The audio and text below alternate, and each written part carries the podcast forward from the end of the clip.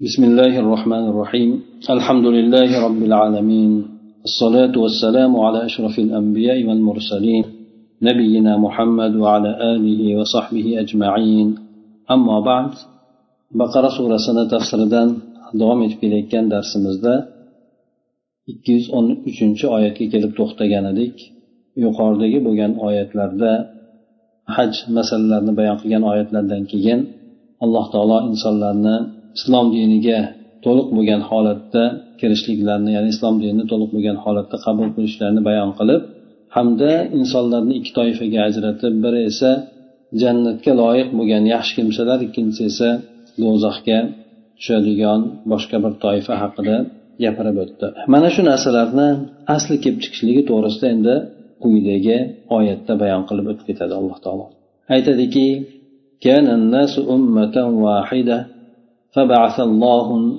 نبيين مبشرين ومنذرين وأنزل معهم الكتاب بالحق ليحكم بين الناس فيما اختلفوا فيه وما اختلف فيه إلا الذين أوتوه من بعد ما جاءتهم البينات بغيا بينهم فهدى الله الذين آمنوا لما اختلفوا فيه من الحق بإذنه والله يهدي من يشاء إلى صراط مستقيم. مفسر يلترب تلك الله تعالى كان الناس أمة واحدة فبعث الله النبيين مبشرين ومنذرين لجان آية تفسير ذا أي كان الناس على الإيمان والفطرة المستقيمة مؤمنين موحدين من زمن آدم إلى بعثة نوح عليه السلام ثم ظهرت الوثنية والإشراك فبعث الله الأنبياء ليرشدوا الناس إلى التوحيد مبشرين المؤمنين بالثواب منذرين الكفار بالعقاب. Demak alloh taolo ikki yuz o'n uchinchi oyatni shunday boshlaydiki odamlar aslida bir ummat bo'lgan edilar. Alloh taolo keyin payg'ambarlarni bashorat qiluvchi ya'ni yaxshilik xabarlarini beruvchi jannat xabarlarini beruvchi yomonlikdan do'zaxdan azobdan ogohlantiruvchi qilib yubordi mana bu oyatda hazf bor agar e'tibor beradigan bo'lsak. Ya'ni odamlar bir ummat bo'lgan edi nima bo'ldi keyin? Ana undan keyin alloh taolo yubordi. Shu nima bo'lganligi ya'ni odamlarda buzilish paydo bo'lganligi. Alloh taolo yuborgan dindan odamlarni uzoqlashib chiqib ketishligi. Ana o'shandan keyin payg'ambarlarni yuborilishlikka ehtiyoj sezildiki undan keyin alloh taolo payg'ambarlarni yubora boshladi. Ya'ni bu yerda odamlar hammalari iymonda edilar fitratda sog'lom to'g'ri bo'lgan fitratda edilar mo'min edi hammalari alloh taoloni yolg'izlashar edi. Bu esa davomiyligi odam alayhissalomni zamonlaridan nuh alayhissalomni payg'ambar qilib yuborishlik davrigacha bo'lgan edi. Ana undan keyin nuh alayhissalomni davri bo'lgan paytida butparastlik hamda mushriklik zohir bo'ldi. Zohir bo'ldi ya'ni jamiyatda judayam oshkor suratda bo'lib ketdi. Ana undan keyin alloh taolo odamlarni tavhidga qayta yo'llashlik uchun payg'ambarlarni yubordi bu payg'ambarlarni vazifasi mo'minlarni savob ishlar bilan yaxshilik ishlari bilan xushxabar qilishlik kofirlarni esa jazo azob bilan ogohlantirishlik edi وأنزل معهم الكتاب بالحق ليحكم بين الناس فيما اختلفوا فيه أي وأنزل معهم الكتب السماوية لهداية البشرية لتبين للناس أمر الدين الحق alloh taolo keyin ularga kitobni haq bilan nozil qildi. Bu kitobni vazifasi odamlarni o'rtasida ular ixtiloflashgan narsalarda hakamlik qilishligi edi ya'ni ularni o'rtasida adolat o'rnatib hukm chiqarishligi edi.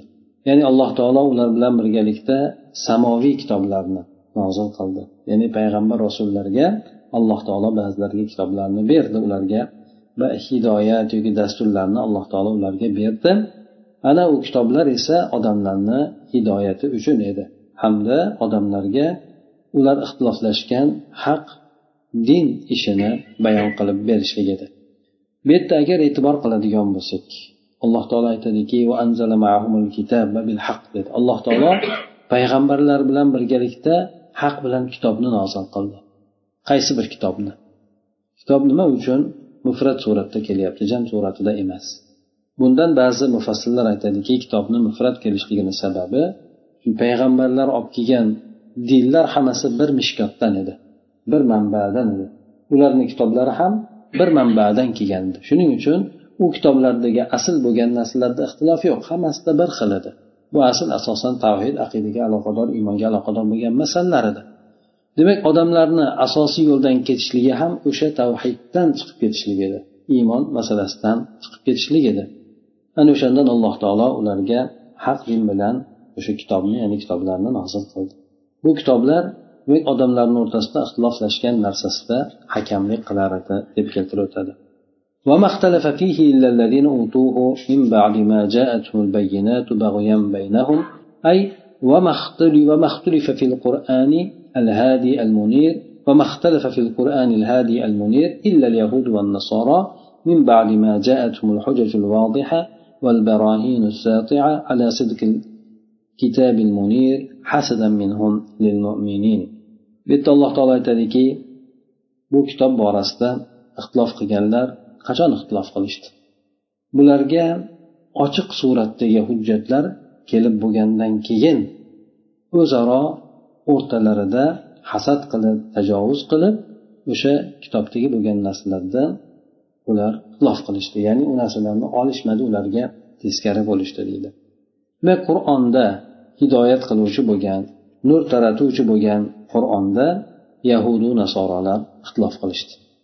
Bu yahudu nasorolarga ochiq bo'lgan hujjatlar bu juda ham ravshan bo'lgan hujjatlar yoki dalillar kelgandan keyin nima narsaga desa munir o'sha nur taratuvchi bo'lgan kitobni rost ekanligiga ya'ni qur'oni karimni rost alloh taolo tomonidan ekanligiga ochiq oshkor suratdagi dalil hujjatlar kelgandan keyin yahudlar bular mo'minlarga hasad qilganligidan ixtiloflashishdi. Ya'ni qur'onga teskari ish tutishdi. Qur'onni qabul etishmadi. Mufassir bu asobuniy e, bu oyatdagi kitobdan murod qur'on deb tafsir qilgan ekan. Ba'zi boshqalar esa anzala maahum payg'ambarlar bilan birga kitobni deganda qur'on emas balki payg'ambarlar bilan nozil qilingan kitoblarni iroda qilinadi deb aytishgan ekan. Allohu alam u ham bu ham bu oyat ko'taraveradi lekin payg'ambarlar bilan birga deganda ko'proq kitobdan murod o'sha samoviy bo'lgan kitoblarni iroda qilinadi. Fihidagi zamir o'sha zamir kitobga qaytadi o'sha zikr qilingan yuqoridagi kitobga qaytadi shuning uchun bu kishi bu qur'on kitob fihidagi zamirni qur'onga qur'onni o'zigagina taalluqli deb berib o'tgan ekanlar فهدى الله الذين آمنوا لما اختلفوا فيه من الحق بإذنه أي هدى الله المؤمنين إلى الاستمساك بهذا النور المبين الذي اختلف فيه أهل الكتاب وثبت الله المؤمنين على الحق بتوفيقه ana undan keyin alloh taolo mo'min bo'lgan kimsalarni odamlar ixtiloflashadigan narsalarda haqqa yo'llab qo'ydi o'zimizni bilan. Demak alloh taolo nima uchun bu kitoblarni nozil qildi? Chunki insonlarni o'zlari haqni topolmaydilar insonlarni o'zlarini aqllariga alloh taolo topshirib qo'ygani yo'q chunki insonni aqli haqni topishdagi mezon emasdir. Ana o'shandan alloh taolo insonlarni butun insonlarni haq ya'ni aqllari bilan topadigan narsa haq emas balki alloh taolo o'zi tomonidan nozil qilingan narsa haq ekanligini bayon chunki insonlarni o'ziga tashlangan deydi haqni topishlik odamlar bundan ko'ra qattiqroq bo'lgan ixtilofda bo'lardilar qur'on kelib alloh taoloni kitoblari kelib har qalay o'sha o'rtada bo'ladigan ixtiloflarni xiloflarni kesgan bo'lsa lekin agar qur'on bo'lmagan deydi har bir odam boshqa odam bilan ixtiloflashib ketishligi juda ham oson bo'lardi lekin manba qilgan holatda alloh taolo faqatgina o'zi tomonidan nozil qilingan kitoblarnigina e'tibor qildi. Ana o'shanda alloh taolo unga iymon keltirgan kimsalarni izni bilan o'sha qur'ondagi yoki bo'lmasa kitoblardagi bo'lgan haqqa yo'llab qo'yishligini bayon qildi. Demak alloh taolo ba'zilarini ko'pchiligini esa bu qur'on e, o'sha kitoblar bilan haqqa yo'llab qo'ymas ekan. Shuning uchun qur'onda ham nozil qilgan paytida hudallil muttaqin deb keltiradi. Ya'ni taqvodorlar uchun hidoyat yo'li deb keltiradi. Ya'ni hamma uchun ham emas chunki qur'ondan foydalanadiganlar bor qur'ondan esa odamlar aksincha zalolatga ketib qoladiganlar bor.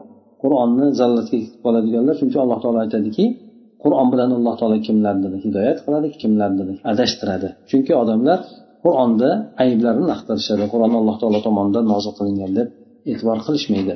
Alloh taolo mo'minlarni o'sha oshkor bo'lgan nur mana bu kitobni mahkam tutishlikka alloh taolo mo'minlarni yo'llab qo'ydi. Ahli kitoblar bunda ixtilof qilishgan edi.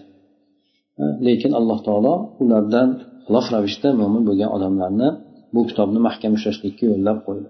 Alloh taolo mo'minlarni haqda sobit qadam qildi. Bu esa alloh taoloni tavfiqi bilan hamda insonni muyassar qilishligi bilan bo'lgan edi. Vallohu yahdi man yasha ila mustaqim.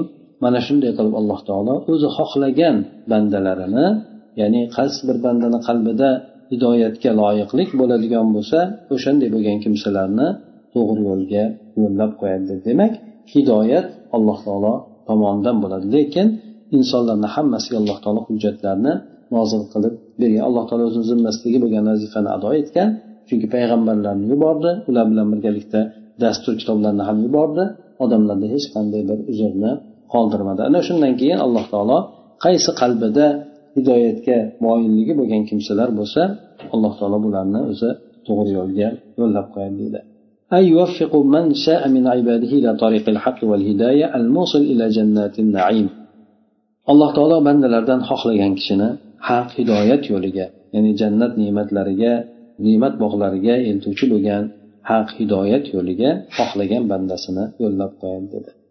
Ana undan keyin alloh taolo o'sha hidoyatlab qo'ygan bandalari ham bu dunyoda e, shunday bir e, osonlikcha yoki bo'lmasa doim rohat yashashmas ekan chunki ularni boshida ham qattiq sinovlar imtihonlar kelar ekan.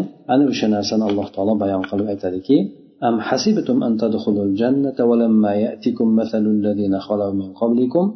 أي هل تظنون يا معشر المؤمنين أن تدخلوا الجنة بدون ابتلاء وامتحان ولم تعرفوا ما أصاب الأمم قبلكم من الشدائد والمصائب؟ يعني سيزلر أي مؤمن لرجم imtihon sinovsiz jannatga shunday kirib ketishlikni gumon etasizlarmi? Shunday o'ylaysizlarmi? Ya'ni bo'ldi iymon keltirsak shu yetadi jannatga kirib ketaveramiz deb o'ylaysizlarmi? Sizlarni boshlaringizda albatta imtihon sinovlar bor.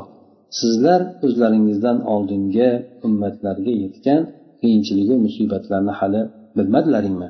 Nima deb alloh taolo ularga aytib o'tyapti? Demak alloh taolo avvaldan odam alayhissalom davrlaridan to hozirgi kungacha payg'ambarlarni yuborgan bo'lsa payg'ambarlarni ergashuvchilari bo'lgan. Bu ergashuvchilarga hayotcha unaqangi darajada juda ham totli bo'lmagan. Ularni hammalari qaysi bir payg'ambarni yuborgan bo'lsa ular qavmi tomonidan adovat qilingan judayam qattiq qavmi tomonidan qiynalgan azoblangan. Ana shuning uchun payg'ambar sallallohu alayhi vasallam ham ba'zan ba'zan mana shu narsalarni eslab o'qib tasalli olardilar o'zlariga. Shuni ham sahobalarga aytib berardi. Ko'plab avvalgi o'tgan odamlarni qissalaridan ular sabr qilishligi uchun ularga taslim bo'lishligi uchun yupanch bo'lishligi uchun keltirib o'tardi.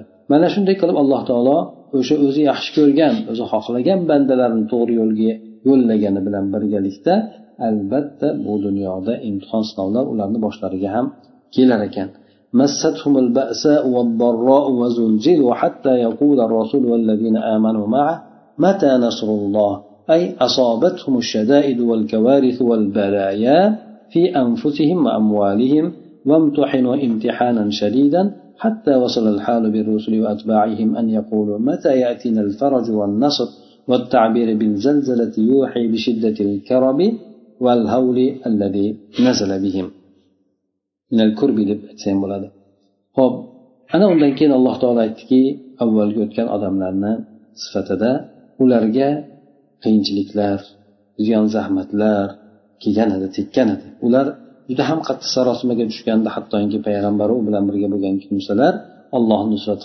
qachon bo'ladi degan darajaga borib qolgan deydi. Mufassir keltirib aytadiki bu narsani ularga ya'ni avvalgi o'tgan kimsalarga chunki yuqorida alloh taolo sizlar jannatga shunday kirib ketaverasizlarmi? Avvalgi o'tgan odamlarni misoli hadislarda kelgani yo'q deb yuqorida aytdida u odamlarga qanday narsa bo'lgandi desa keyingi mana e, oyatni davomida bayon qilib o'tyapti. Ularga qiyinchiliklar har xil musibatlar balo imtihon sinovlar kelgan edi. Bu narsalar ularni jonlarida bo'lsin mollarida bo'lsin judayam qattiq suratda imtihon qilinganda hattoki holat payg'ambar bilan payg'ambarga ergashganlar bilan shu darajaga yetib borgandiki ular qachon bir najot kelar ekan qachon bir ollohni nusrat kelardikin deb qolishardi hattoki demak payg'ambar ham payg'ambarlarga ergashganlar ham shu darajagacha borib qolganligi bo'lmasa alloh taolo nusratini va'da qilgan.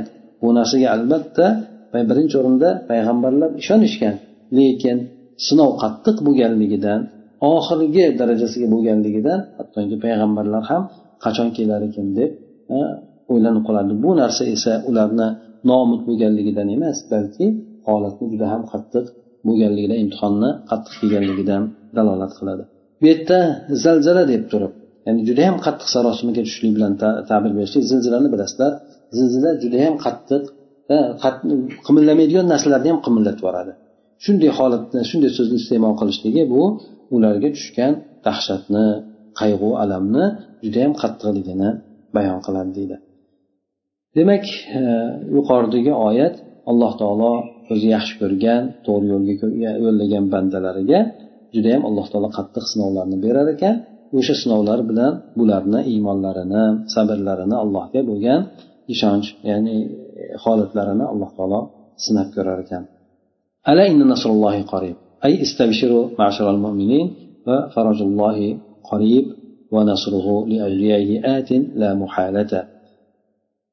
Al ala degani ogoh bo'ling degan. Ya'ni insonni e'tiborini tortishlik uchun ishlatiladigan kalimadir. Alloh albatta alloh taoloni nusrati yaqindir. Alloh taoloni yordami yaqindir.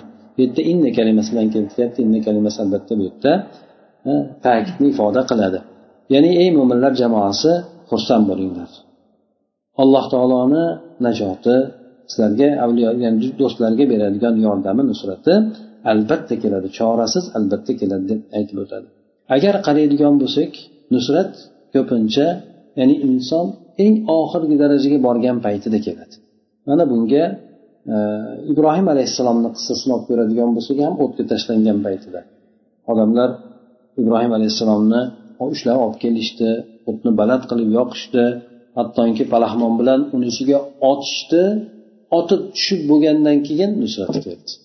Ungacha demak alloh taolo u kishini sabrini ishonch hamma narsasini sinadi yoki bo'lmasa o'g'illarini so'yishga yotkizgan paytlarida oxirgi nuqtada demak bu hamma narsa alloh taolo aytgandek bo'lgandan keyin alloh taolo nusratini berdi.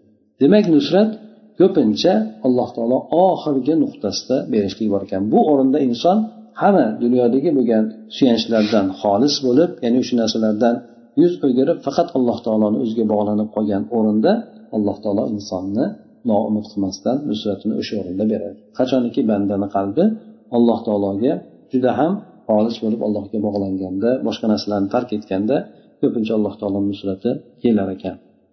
bu yerdagi bo'lgan holat ham ularni judayam sarosimaga qattiq tushganligi o'sha zilzila kalimasi bilan ifodalanganligi ham ayni mana shu narsani bildiradi ya'ni judayam qattiq tebranib ketgan hattoki hamma narsani unutib faqatgina allohni o'ziga bog'lanib qolgan paytida alloh taoloni nusrati kelar ekan deydi ana undan keyin alloh taolo boshqa bir oyatga yo'naltirib aytadiki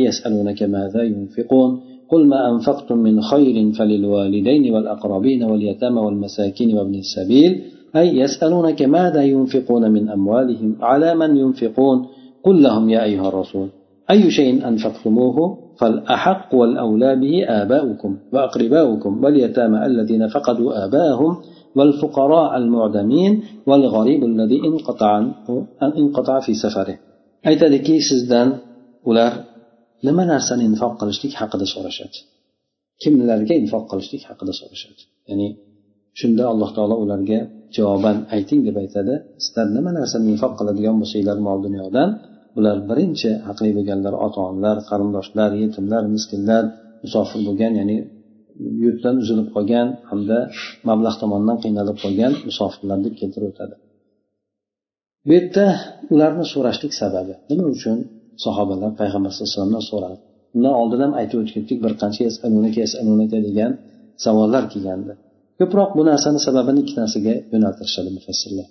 Birinchisi ular yangi din bo'lgandan keyin ichlarida kechayotgan kechinmalar ya'ni qanday qilsak alloh taoloni diniga to'g'ri bo'lar ekan qaysi narsalar avvalroq bo'lar ekan degan ichlaridagi kechayotgan kechinmalari bu orqali so'rashardi yoki ba'zan esa jamiyatda munofiqlar tomonidan yoki ahli kitoblar tomonidan tarqatilayotgan har xil shubha shunga o'xshagan narsalarda bular qur'onga payg'ambar alayhisalomga murojaat qilardi. Bunda bizni to'g'ri yo'lga yo'llab qo'ying shunaqa gaplar yuribdi.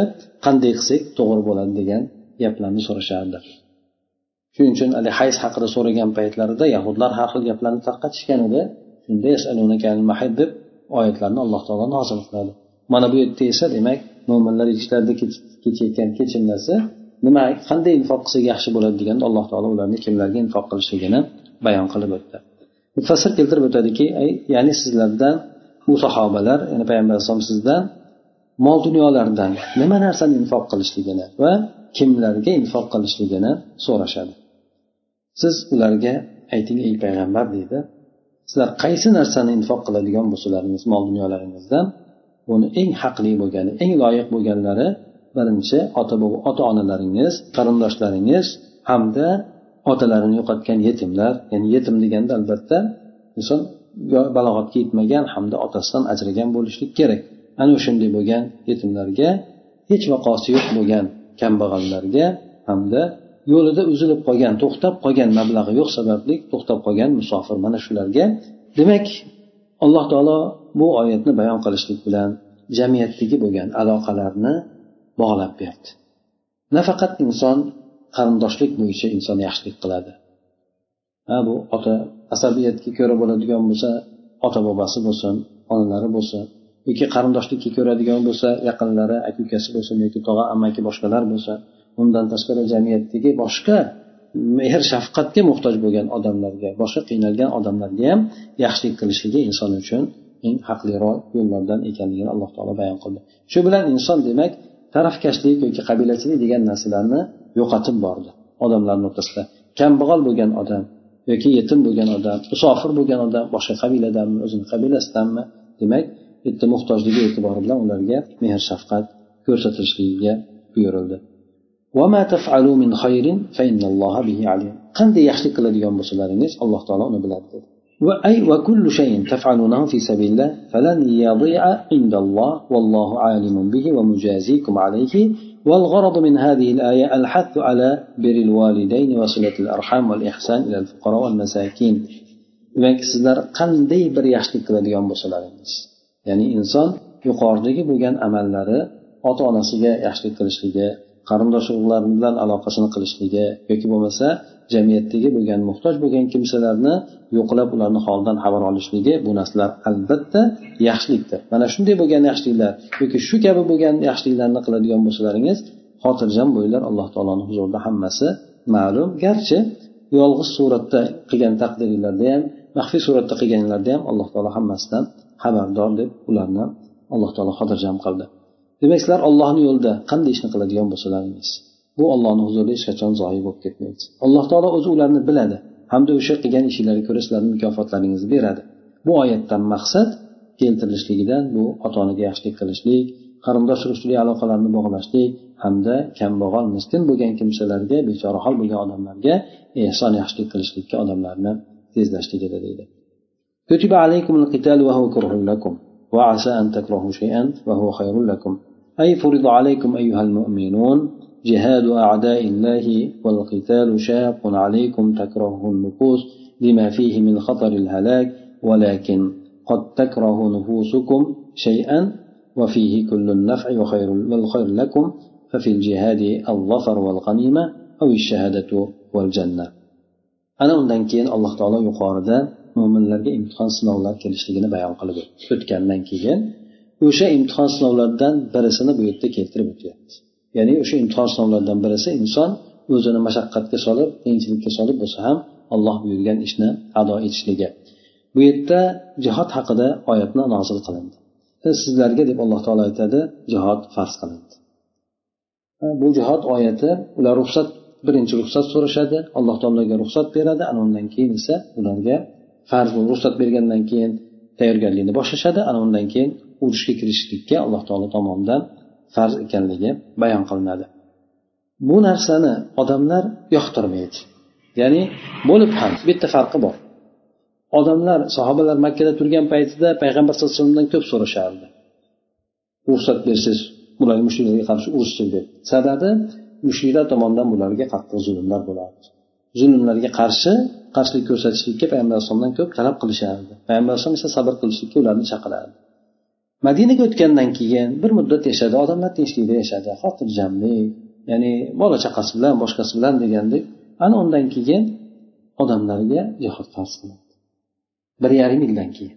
Odamlar unda juda tinchlikka o'rganib qolgan shuning uchun ularga bu narsa unchalik ba'zilariga yoqmadi chunki nimaga? Odam judayam qattiq mashaqqatga solishlik borda o'zi. Hammasiga bo'lmasa ham ba'zilariga demak yoqmadi shuning uchun insonni tabiatiga bu narsa unchalik yoqmaydi dedi. Garchi sizlar bir narsani yoqtirmaydigan bo'lsanglar ham u sizlar uchun yaxshilik bo'ladi. Lekin sizlar u narsani bilmaysizlar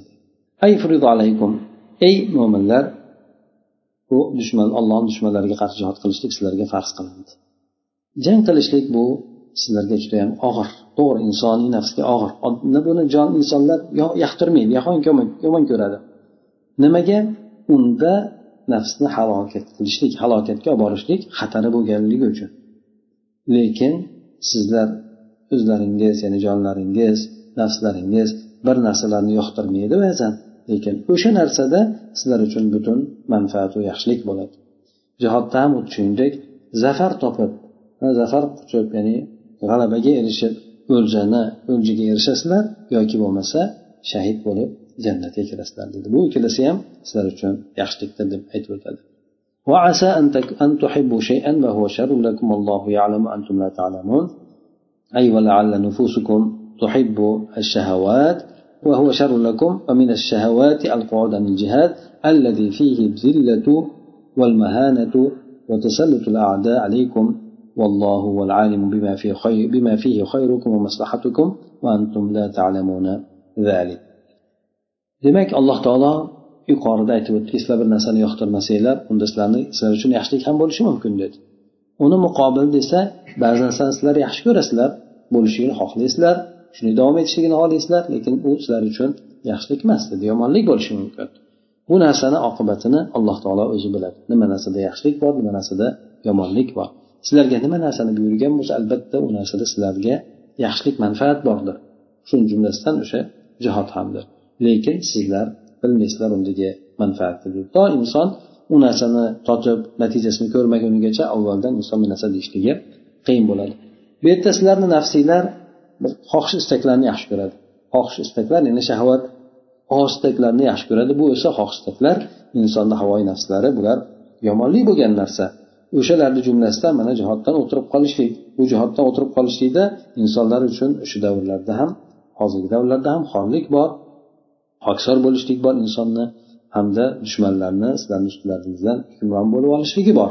Mana shunday bo'lgan narsalar o'sha sizlar uchun yomonlikdir bu narsalar.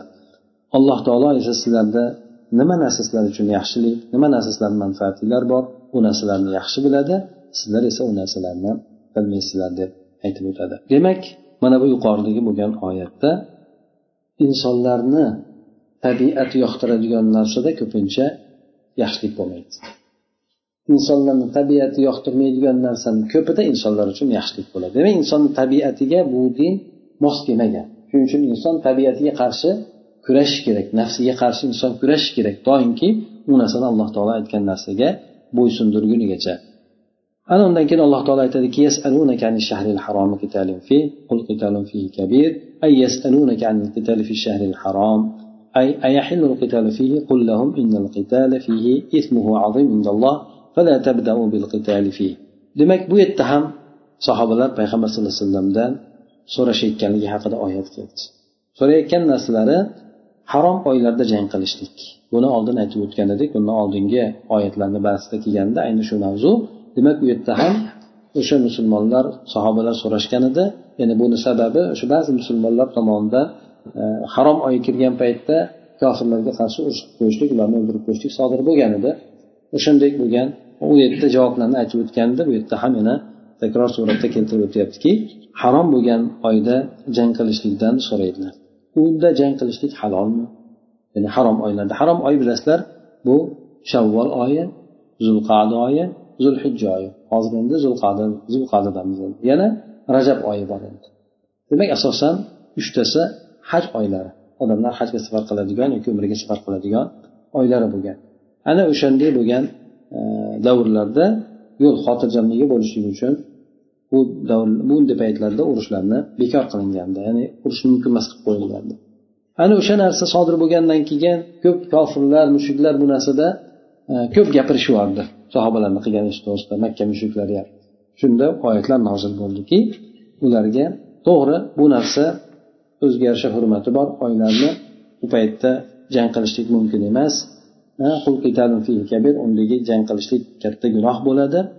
Lekin aytingki ularga albatta bu oyda jang qilishlik harom oylarda jang qilishlik alloh taoloni huzurida og'ir bo'lgan narsa katta og'ir bo'lgan narsa sizlar unda jangni boshlamanglar ya'ni hukmi harom oylarda jang qilishlikni hukmi hozirgi kunda qanday?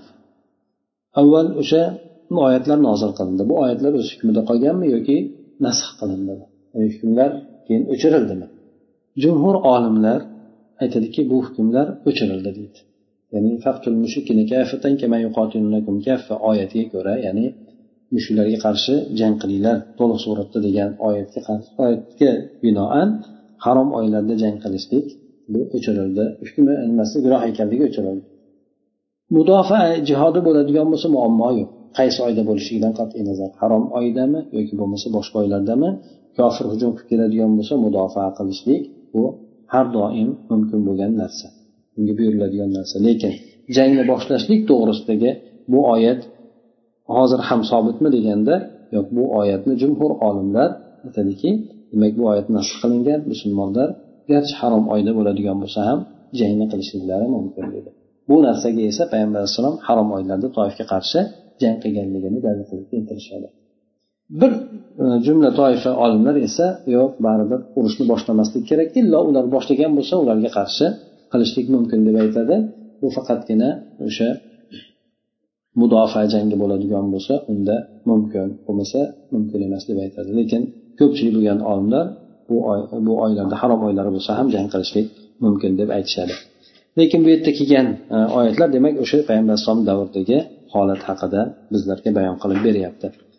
وصد عن سبيل الله وكفر به والمسجد الحرام وإخراج أهله منه أكبر عند الله أي ومنع الناس عن الدخول في دين الإسلام والكفر بالله تعالى وانتهاك حرمة المسجد الحرام وإخراج النبي والمؤمنين من بلدهم مكة كل ذلك أعظم عند الله أعظم ذنبا عند الله من قتل المشركين في الشهر الحرام فإذا استعلموا قتالكم في الشهر الحرام فإنما ارتكبوه في حق النبي والمؤمنين a'zamu va ashna. Ana undan keyin alloh taolo undan ko'ra og'irroq bo'lgan narsaga odamlarni e'tiborini qaratdi. Mushuklarni e'tiborini ham qaratdi. Odamlarni islom diniga kirishlikdan man qilishlik. Ya'ni mushuklar odamlarni islom dinini qabul qilishidan man qilishardi. Mo'minlarni qattiq azoblashlikdan har xil tashviqotlar olib borishligi sababi shu odamlar dinni qabul qilmasin deb edi. Alloh taologa bular kofir bo'lishgan edi. Mana shu narsa. Hamda masjidi haromni hurmatini poymol qilishlik. Ular masjidi haromda odamlarni o'ldirishyapti. Ha mana aytaylik ammor ibn otalarini shu joyda o'ldirishadi. Ha yoki bo'lmasa mo'minlarni qiynashardi garchi u yerlar omonlik joylari bo'lgan taqdirda ham. Hamda payg'ambar mo'minlarni o'zlarini diyori makkadan chiqarib yuborishlik. Bu narsalarni hammasi alloh taoloni huzurida juda ham og'ir gunohlar hisoblanadi. Bu mushriklarni harom oyda o'ldirib qo'yishlikdan ko'ra og'irroq bo'lgan gunohlar hisoblanadi. Agar endi sizlar harom oyda jang qilishlikni judayam og'ir deb sanayotgan bo'lsalaringiz yoki mushuklar shunday sanayotgan bo'lsalar demak ular payg'ambar va mo'minlarni haqida qilgan jinoyatlari esa og'irroq bo'ladi hamda xunukroq bo'ladi deb keltirib o'tadi demak alloh taolo mo'minlarni himoya qildi. Mo'minlarni qilib qo'ygan ishini himoya qilib aytdiki ularga sizlarni qilayotgan ishlaringiz bularni qilayotgan ishni oldida juda ham og'ir gunohi og'ir sizlar o'zlaringizni to'g'rilanglar deb mo'minlarni himoya qildi. Lekin bu yerda yana e'tibor qaratishimiz kerak mo'minlarni himoya qilishlik bilan birgalikda ularni qilgan ishi noto'g'ri ekanligini ham bayon qildi. Chunki aytib o'tdiki unda jang qilishlik og'ir gunoh dedi. Demak mo'minlarni ishi qilgan ishi noto'g'ri bu yerda to'g'ri emas. Lekin sizlarni qilayotgan ishlar ulardan ko'ra noto'g'riroq deb turib alloh taolo bayon qilib o'tdi أي وفتنة المسلم عن دينه أكبر عند الله من القتل ya'ni odamlarni dinda fitnalashlik bu odamlarni o'ldirib qo'yishdan ko'ra og'irroq kattaroq sababi nimaga sababi chunki u odam o'ladigan bo'lsa musulmon bo'lsa jannatga kiradi lekin dindan ajraladigan bo'lsa alloh saqlasin do'zaxga ketib qoladi shuning uchun bu yerda musulmon odam dindan fitnalashlik bu allohni huzurida uni o'ldirib qo'yishlikdan ko'ra og'irroq dedi ولا يزالون يقاتلونكم حتى يردوكم عن دينكم إن استطاعوا أي ولا يزال الكفار جاهدين في قتالكم حتى يعيدوكم إلى الكفر ويصلحوكم عن دينكم kofirlar sizlarga qarshi jangda judayam qattiq harakat qilib davom etadilar hatto sizlarni kufrga qaytargunlargacha dinlaringizdan sizlarni sug'urib tashlamagunlarigacha deydi demak alloh taolo bu narsani bayon qildi Hozirgi kungacha bu narsa to'xtagani yo'q. Bundan keyin qiyomatgacha ham bu demak haq bilan botil bor ekan albatta bu kurash bo'lishligi davomiydir qaysi kofirlar qaysi bir musulmonni o'ldiradigan bo'lsa uni faqat zulm qilganligidan emas balki asosan dini uchun musulmon bo'lganligi uchun o'ldirishadi. Hozir ham islom diyorlarida kelib ularni o'ldirayotganligi musulmonlarni dini uchun o'ldirilyapti. Ho bu davlatdagilarni o'ldirayotgan bo'lsin yoki boshqa joylardagilar musulmonlarni o'ldirayotgan bo'lsin ularni musulmon bo'lganligi uchun hindistonga nisbatlanganligi uchun ularni o'ldirishyapti. Demak bu yerdagi kurash islom bilan boshqa din o'rtasidagi bo'lgan kurash ekan bularni o'rtasida bo'layotgan narsa. Bular u narsadan degandan murod davom etishadi. To qachongacha? Intihoy g'oya ya'ni oxiri qachon sizlarni dininglardan qaytargunigacha demak musulmonlar dindan qaytmaydi urush esa davom etadi. Deb alloh taolo orqasidan keltirib qo'ydi. Agar qodir bo'lsalar. Demak ular har qancha qilgan taqdirda ham bir insonni dindan olib qo'yishlik insonni qo'lida emas. Urishi mumkin o'ldirishi mumkin lekin qalbiga boshqa inson uni hukmronlik qilolmaydi insonni iymoni esa uni qalbida shuning uchun agar qodir bo'lsalar dedi chunki ularni qudrati yo'q. Kimdir endi agar o'zlari shu dunyoga moyilligi sababli boshqa sababli dindan qaytadigan bo'lsa demak ular shu alloh taolo ularni uzoq qilganligi bo'ladi. ومن يرتد منكم عن دينه فيمت وهو كافر فأولئك حبطت أعمالهم في الدنيا والآخرة وأولئك أصحاب النار هم فيها خالدون. أي ومن يرتد عن الإسلام طمعا في حتام حتام الدنيا ثم يموت على الكفر فقد بطل عمله الصالح وهو مخلد في النار. Aytib o'tadiki kimki sizlardan endi dinidan qaytib ketadigan bo'lsa demak ular qaytarib yuborsa emas. Chunki alloh taolo aytib qo'ydiki agar qodir bo'lsalar deb aytib qo'ydi demak ular qodir bo'lolmasligini bayon qildi. Lekin endi o'zi inson o'zi xohlab turib ularni qilgan tazyiqiga demak inson o'zi o'sha dinidan qaytib ketadigan bo'lsa dindan qaytishni ikki xil yo'li bor. Majbur bo'lgan holatda inson kufr kalimasini aytishligi yoki bo'lmasa ixtiyoriy bo'lgan suratda inson kufrga qaytishligi bor. Birinchisida alloh taolo insonni uzrlik qildi. Chunki inson toqati bor. Shuning uchun uni majburlanadigan bo'lsa kufr kalimasini aytgan taqdirda ham iymoni quvvatli bo'lgan qalbi iymon bo'lgan holatda alloh taolo ularni ma'zur qildi.